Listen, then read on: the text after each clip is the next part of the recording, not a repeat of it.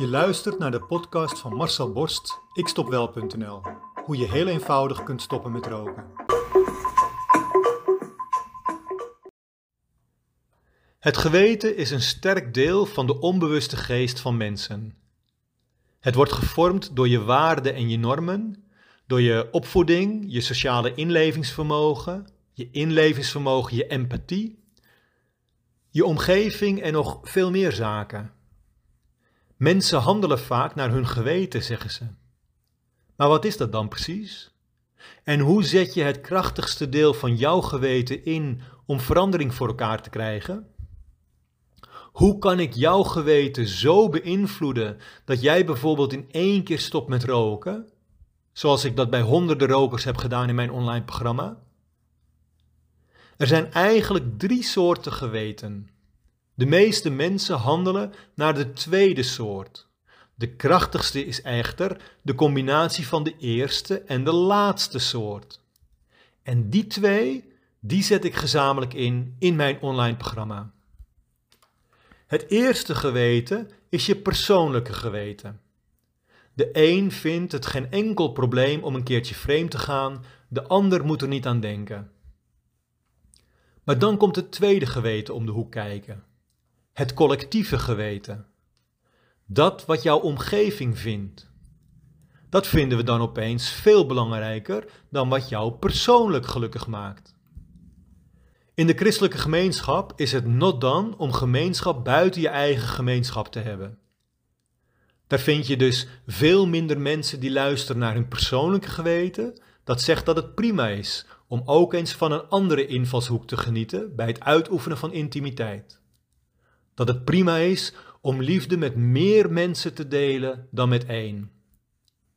In de moslimgemeente is het not dan om toe te geven aan gevoelens van homoseksualiteit, die God of Allah je toch echt bij de geboorte heeft meegegeven als onderdeel van de mens die je bent in zijn aangezicht.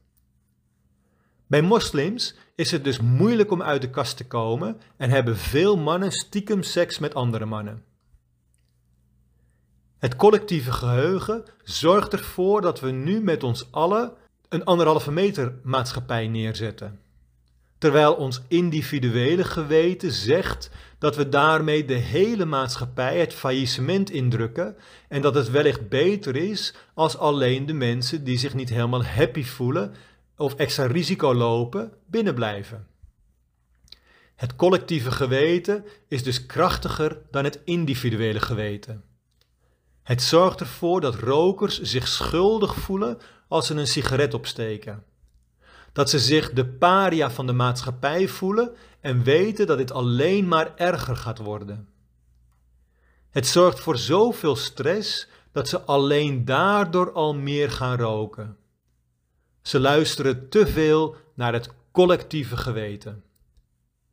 Maar er is dus nog een derde soort geweten. En dat is het spirituele geweten.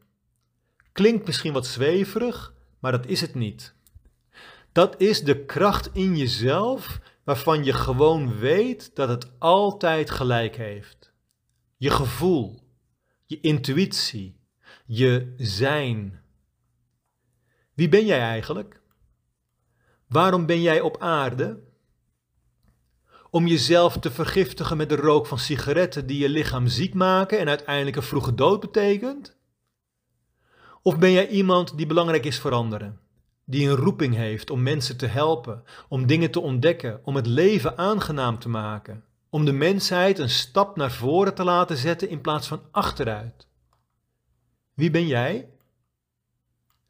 Dat is je spirituele geweten. En als je die aanroept, en samen met je persoonlijke geweten laat spreken, dan weet je wat het beste voor jou is. Dan is er maar één keus. En wat het beste is voor jou, is ook het beste voor jouw omgeving. En wat het beste is voor jouw omgeving, is ook het beste voor de rest van de wereld. Geen ruzies, geen afgunst, geen haat, geen hebzucht, geen uitsluiten, maar gewoon jezelf zijn en jezelf en je lichaam zo goed mogelijk verzorgen. Dan kun je nog maar één keuze maken en dat is zo snel mogelijk een niet-roker zijn en blijven. zodat je dat juk van het collectief geheugen achter je kunt laten en niet meer die stress zult voelen, waardoor je elke keer weer verplicht was om gifgassen de heilige tempel van jouw lichaam in te zuigen. Want dat lichaam, dat heb je maar één keer gekregen en daar zul je het mee moeten doen tot je dit leven verlaat. Verzorg het dus goed, zo goed als je kunt. Geweten. Had je het maar geweten, dan had je het wel geweten en niet alleen gedacht, maar misschien ook gedaan. Stop met roken. Wil jij ook stoppen met roken? Wil jij jouw rokende collega's van het roken afhelpen? Kijk dan op mijn website ikstopwel.nl en neem contact met mij op.